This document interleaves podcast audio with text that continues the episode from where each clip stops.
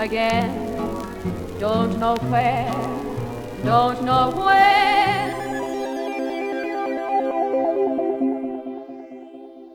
Hei og velkommen til eh, siste episode som spilles inn i forbindelse med Hjemmeseilerseminaret her på Arkivet freds- og menneskerettighetssenter. Og med meg har jeg eh, forfatter og tidligere journalist Gunnar Grytås. Velkommen. Takk. Du har hatt et eh, foredrag for oss om eh, primært rundt eh, krigsforlis blant hjemmeseilende skip langs norskekysten. Du tar for deg hele norskekysten, stemmer ikke det, i boka di 'Livsnerven og dødsleia'? I hovedsaken så er det skipsleia fra russegrensa og sørover til, til Jæren. Jeg er ikke så mye innom sørlandskysten og Østlandet, fordi at det Skipsleierne krigen gikk jo dit mellom Norge og Tyskland. Er det, er det noen spesielle områder som peker seg ut med tanke på forlis? Det er jo så avgjort Nord-Norge og kanskje strekningen mellom Nord-Troms og Finnmark, der de fleste og verste forlisa skjedd i den forstand at det var store tap av menneskeliv. Er det noen spesiell grunn til at det er akkurat dette området som blir hardest rammet? Det var vel der trafikken ble størst i forbindelse med at uh, Tyskland gikk til angrep på Sovjetunionen i uh, 19, sommeren 1941, og det ble en voldsom uh, opphoping av militærtrafikk fra Tyskland som skulle til Kirkenes. Og det kom også britiske fartøy som hele tida jakta på den trafikken.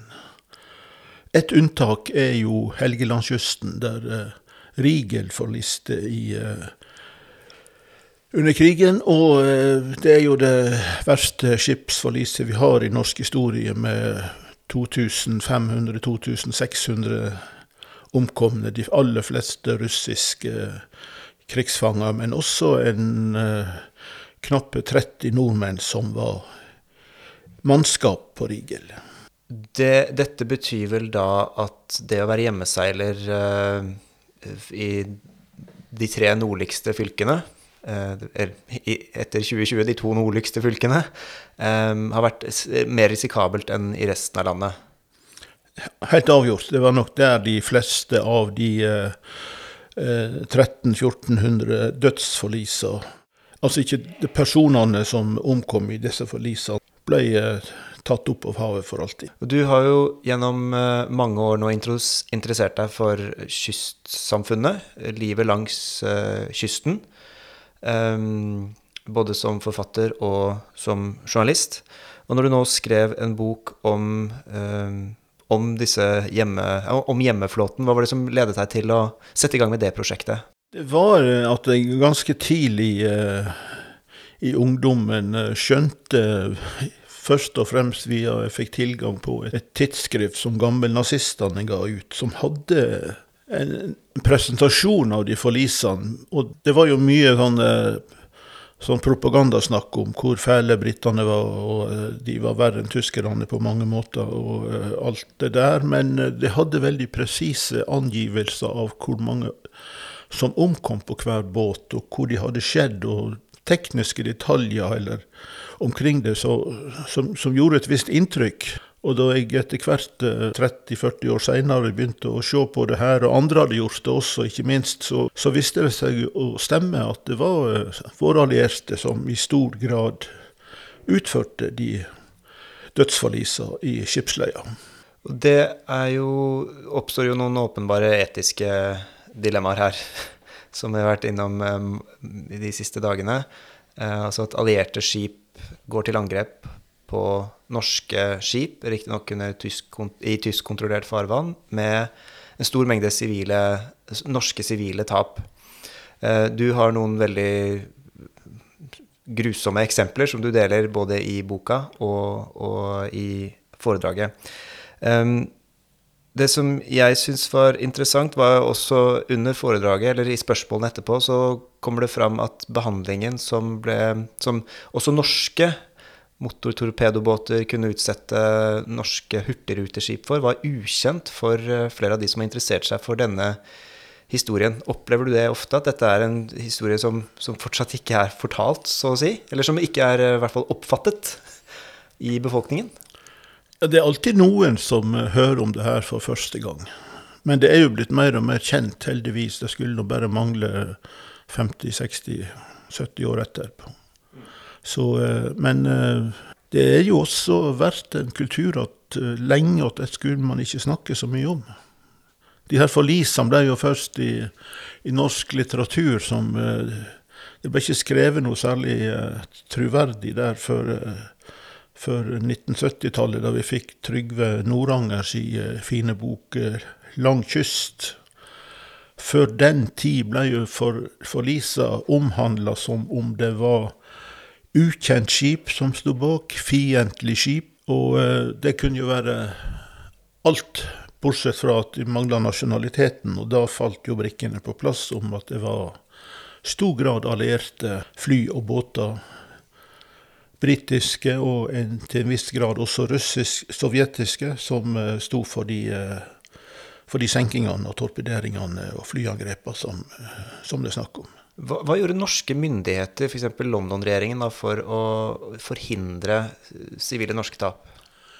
Det gjorde veldig lite, og uh, de fikk uh, hele tida fra allerede i august 1940 meldinger fra den svenske legasjonen, sikkert via nordmenn som var rømt over til Sverige og kunne fortelle litt om at det her lå an til at allierte fartøy ville bli en, en trussel for heimeflåten. Og de gjorde veldig, veldig lite. De forsikra at de hadde de beste avtaler med britene, men det stemte jo ikke. Og eh, vi så jo at eh, i forbindelse med forliset til prinsesse Ragnhild, så eh, var det ikke noen reaksjoner fra, fra, fra regjeringa i England. Det var det heller ikke når de her store forlisene i eh, høsten 1941 41 kom. Det eneste de gjorde, det var at de sendte ut en advarsel eh, til over radio sikkert, om at man måtte unngå med så sant det bare var mulig. Og de ga inntrykk av at alt av norske båter var opptatt av tyskerne og brukt i militære formål, og det var jo definitivt ikke riktig. Tyskerne tok, tok nok eh, kunne rekvirere båter til sitt eget behov, og det ble også gjort i ganske stor grad. Men eh, det var også eh, båter som ble reservert for, eh, for de, de, norske rederiene, ikke minst Hurtigruterederiet og kyst, kystrederiet opp langs hele kysten, som var ansvarlig for alt offentlig transport, at de hadde sine fartøy i behold. og kunne også få gjennomslag for å få bruke fartøy sjøl om det var tyskere som egentlig også ville ha dem. Så var det også vanlig at tyske institusjoner i, hadde interne konflikter om bruk av båter. Og så lenge de ikke var avklart, så kunne de samme båtene ofte brukes til eh, sivile norske formål i regi av, uh, av uh, de rederiene som hadde hadde den trafikken. Og det var, Regjeringa trodde det var anarki på, på norskekysten, der tyskerne tok seg til rette sånn som de sjøl ville, og det stemte jo definitivt ikke. Det var en oppfatning som de måtte korrigere i 1944, da de innrømma at her var det mer styring fra norske sivile myndigheter i samarbeid med rederinæringa enn de var klar over. Så denne informasjonen når da ikke regjeringa? De søker den kanskje ikke heller? Nei, tydeligvis ikke. De prøvde jo også å, og uh, lage jo propagandastoff uh, i sin egen avis, Norsk Tiden, som kom ut i London, der de, uh, der de rett og slett juksa med historier. Slo to forlis sammen til ett og laga en, en dekkhistorie der da, da, tenker jeg på forlisa til Barøy og Rikard Hvitt. Det gikk Det som kom ut fra London, var ei historie i Norsk Tiden som fortalte at Rikard Witt og Barøy hadde gikk sammen over Vestfjorden og ble brukt som dekkskip, for, altså som skulle skjule konvoibåter for, for flyene som var i angrepsposisjon. At de blir brukt som en slags, blir ofra i en slags uh, forsvarsmur for, uh, for tyske. Det var jo komplett umulig når det var de to forlisene skjedde med en dags mellomrom, og det var 600-700 km forskjell på havområder der de, de, de, kunne ikke være samtidig. Det var juks og bedrag, ei løgn, direkte løgn som sannsynligvis ble uh, videreformidla gjennom uh, den illegale pressa, og sikkert også med ei eh, radiomelding til det norske folk. Og det forsto jo etter hvert folk på kysten som uh, kjente til de forlisene. For det var jo Og 200 lik kom i land på en plass, så blir det liksom snakka om det. Og det sprer seg veldig fort fra mann til mann og dame til dame, og uh, sjøl om det ikke skulle snakkes om. Så de fire første åra av krigen så var de norske myndighetene i London eh, De var, visste, visste kanskje ikke, og de ville ikke vite heller. Så måtte de revurdere, revurdere oppfatninga si etter hvert, men det var ikke før i 44. Og hva, hva skjer da? Da blir det laga en komité i, eh, i, London som skal vurdere hva slags fartøy har vi til disposisjon når vi har vunnet krigen og kommet tilbake. Og da fant de jo ut at de hadde egentlig ganske mye båter fortsatt. Og det hadde ikke vært sånt kaos i, eh, langs kysten der tyskerne hadde rasert flåten. Så de, hadde, de, de måtte rett og slett uh, revurdere sin oppfatning og konsentrere seg om å ta vare på resten. Ved at de inngikk avtale med britiske, fly, britiske forsvarsmyndigheter om å begrense desimeringa av norske, av norske kysthurtigruter, de siste, og større frakteskuter som også kunne føre passasjerer. Dette er jo etter at krigs, krigslykken har snudd ja. for de allierte. Så det gjør det kanskje enklere for britene å godta en sånn avtale Også? Nei, britene godtok Det ble inngått noen avtaler, men britene fulgte ikke de heller. Fordi at da var jo den russiske, russisk, den uh, tyske militærmakta på vei hjem igjen og skulle forsvare kontinentet. De forsto jo at de hadde tapt i Russland, og de hadde tapt i Norge òg. Og så var jo britene opptatt av å uh, hindre dem i å styrke fronten på kontinentet, så de, de uh, bomba villig vekk også når båtene gikk andre veien, hjem til Tyskland med, med, mannskap og materiell. Og det var fortsatt i norsk farvann, og det var fortsatt norske båter som uh, som ble eh, senka, og det var, om, det var, flere omkomne. Men det var ikke de store forlisene lenger. Det var egentlig mindre fiskefartøy som strøyk med i den kampen. I den delen av krigen. Vinteren 1944-45. Og helt fram til våren, faktisk. Det er et av disse forlisene som du trakk fram i dag, eh, senkingen av eh, Irma kan du si litt om omstendighetene rundt det? Omstendighetene var vel slik at det var to uh, norske MTB-er. De var vel uh, forlagt på Shetland, som var på et tokt i Norge etter et uh, tyske fartøy. De var nord for Hustadvika og lå på lur der for å se om det kom noen. Jeg vet ikke hvilken etterretning de hadde, om det var noen de venta på spesielt eller ikke, men de, de uh, gikk iallfall til angrep da de kom med Hurtigruta. Irma kom på vei nordover sammen med en, uh, en norsk frakteskute som heter Henry, som ikke hadde noe med Irma å gjøre, bortsett fra at de var i samme farvann samme tid, og ble da kanskje sett på som en uh, At de gikk i sammen. At det var en At det var to båter som var ute i samme ærend. Det var det ikke. Og uh, Irma ble senka med at eh, MTB-ene sendte torpedoer i den. Om bord på den ene MTB-en var det en utkjentmann og utkikksmann som het Jakob Sandøy. Han ropte før like før det her skjedde, at stopp, det er Hurtigruta. Det ble ikke tatt til følge, og Hurtigruta ble senka og uh, gikk ned, og det lå passasjerer og mannskap i, uh, i sjøen ganske fort. Og da ble de uh, jaga videre med maskingeværet. Gikk, ble avført mellom uh, 1000 og 2000 mitraljøseskudd i, inn i farvannet der det lå båter og folk som uh, egentlig skulle ha vært redda og plukka opp etter det som er sjøfartsreglene sine, sine budskap. Og denne Jakob Sandøy, han hva, hva, hva, hva, ledet en sånn protest til, som han kom med? Ledet, han var jo naturligvis forbanna fordi at uh, de ikke hadde hørt på hva han sa. Og det ble jo en uh, Det ble oppfanga ei radiomelding på turen tilbake til Shetland om at det var ei hurtigrute som var torpedert. Og stemningen om bord var jo ganske opprørsk.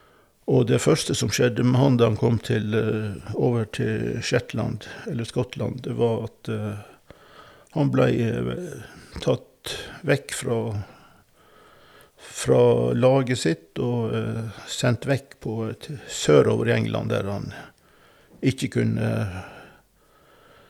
Kanskje ikke fortelle dem det her, eller de, de, de, så på han som en urostifter som måtte fjernes, og, mens han var jo mildt sagt forbanna over at, eh, hva som hadde skjedd. Er det, er det, noe han forteller selv, eller er det en annen type beretning? Det har han nok fortalt sjøl, men jeg eh, fikk den historien bekrefta av sønnen hans da jeg uh, skrev, skrev boka. Det, det, var ikke noe som han likte å snakke om, men han eh, snakka tydeligvis i om det her da de overfor skipskamerater, og sikkert også andre i uh, i den uh, plassen der de var, båtene her hadde forlegning. Kamerater og sånn. Helt sikkert. Du er jo sannsynligvis full av adrenalin når du blir utsatt for noe sånt. og da snakker vel man vel relativt høyt. Vil. Hva har vært uh, kildegrunnlaget ditt i arbeidet med, med livsnerven og dødsleia? Det er skrevet en del litteratur om det her allerede. Jeg nevnte Trygve Nordangers bok 'Lang kyst', som er et uh, fantastisk uh, beskrivelse av både de forlisene som uh, har vært lagt fram på konferansen her, og mange andre. det er skrevet ei militær sjøhistorie som ikke forteller noe om, om, som, om det her. den ble skrevet i slutten av 60-tallet og er komplett usann og ukorrekt når det gjelder Irma-forliset. Og så var det eh, sønnen til en av de som omkom, som heter Astrup Nilsen, som eh, satte i gang sitt eget prosjekt da han ble pensjonist, og, eh, for å få Sjøforsvaret til å tilstå det her. Og det gjorde de til slutt på midten av 80-tallet. Da ble det innrømmet hva som hadde skjedd, og eh, det var vel en representant for kongehuset, jeg husker ikke om det var kongen eller kronprinsen, som gjorde det da, men eh, men det ble iallfall bedt om ei unnskyldning til familiene og folk på kysten. Men det var jo veldig seint. Så er det en historie eller en person til som jeg beit meg merke i, som jeg lurer på om du kan si litt mer om, og altså konsekvensen av de valgene som, som, han tok, nemlig Ole Siem. Ja, Ole Siem kan, eh, er nok en helt i den historien her, både som, eh, som eh, forsvarsmann, altså sjømilitær kommandohaver og som direktør i VDS. VDS Vesterålske Dampskipsselskap. Det er det største hurtigruterederiet. Han var utdanna sjøoffiser, ble direktør i VDS på 30-tallet sikkert. Så ble han da Da okkupasjonen var et faktum, så ble han utkommandert til å være sjef for Sjøforsvaret i Nord-Norge, og han leda fra norsk side de her operasjonene mot Narvik ved å sette inn eh, en stor del av den sivile kystflåten i et nærtransportoppdrag av eh, militært personell og utstyr inn mot eh, Narvik i håp om å kaste tyskerne ut derifra. Det, det ble gjort fordi at det ikke var større havner, så de, de britiske troppetransportskipene måtte losse seg av i Harstad og ta utstyret om bord på mindre fartøy. Det var en uh, stor og viktig operasjon, selv om det ikke lukkes i Slåtten å kaste tyskerne ut. Og uh, der var uh, en operasjon som har fått lite oppmerksomhet i i ettertida, men som eh, britiske og franske sjøoffiserer var storlig imponert over hva de kunne klare med de små, små båtene. Og så ble han eh, seinere direktør i VDS igjen, da okkupasjonen var et faktum. Han eh, leda det største hurtigruterederiet fram til eh, fram til fred, men han var i lange perioder arrestert og satt i fangenskap på Krøkebergsletta i Tromsø. Sannsynligvis ikke med noen konkrete anklager mot seg, men fordi at uh, han var en av de store nordnorske lederne, og de er flere, det er kanskje 100-150 av de karene. Det var vel ingen kvinner med, tror jeg, der heller, dessverre. Men de ble uh, arrestert av tyskerne for at ikke de skulle sette i gang noe motstandsarbeid etter at uh, krigen i, på nordflanken var starta. Mm. Når er han blir arrestert? Han ble arrestert uh, samme sommeren som, som uh, tyskerne starta angrepet på, på, Russland, på Sovjet. Og så ble han da, etter å ha mista mange nok hurtigruter i 1981, så satte han i gang den her berømte erstatningsfarten som som skulle gi Finnmark eh, et, eh, et transporttilbud etter at eh, Hurtigrutene ikke fikk gå på Finnmarkskysten lenger. Det var rett og slett for farlig. For, risikoen for store tap var for stor.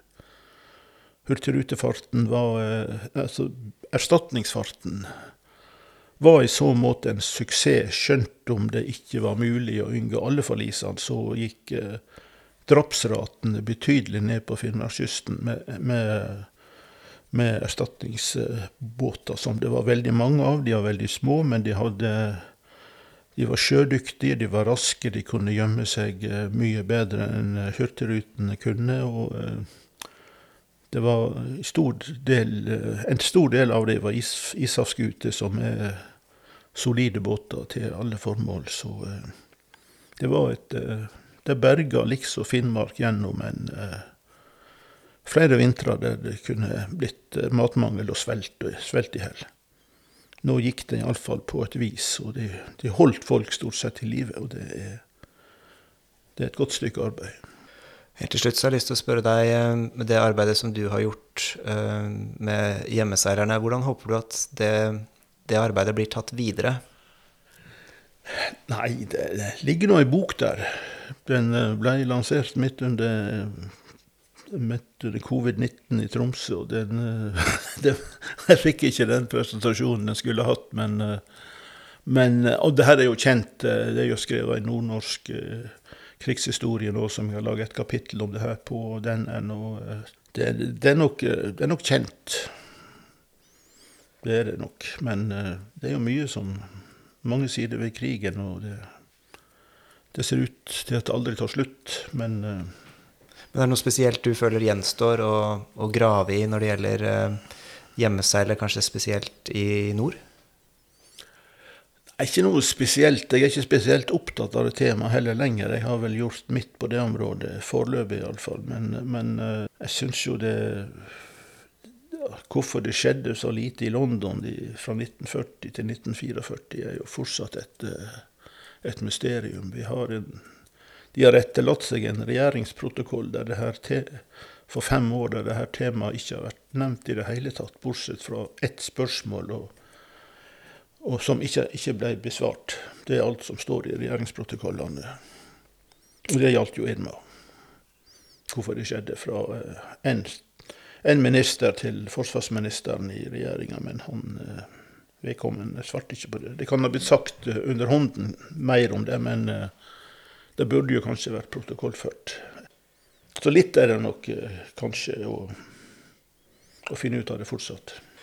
Gunnar Grytås, tusen takk for at du ville være med både på seminaret og her i podkasten vår. Takk for det. Don't know where, don't know where. Det var det vi eh, hadde for i dag.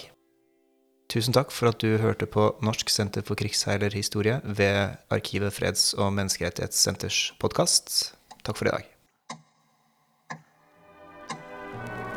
We'll meet again. Don't know where, don't know where.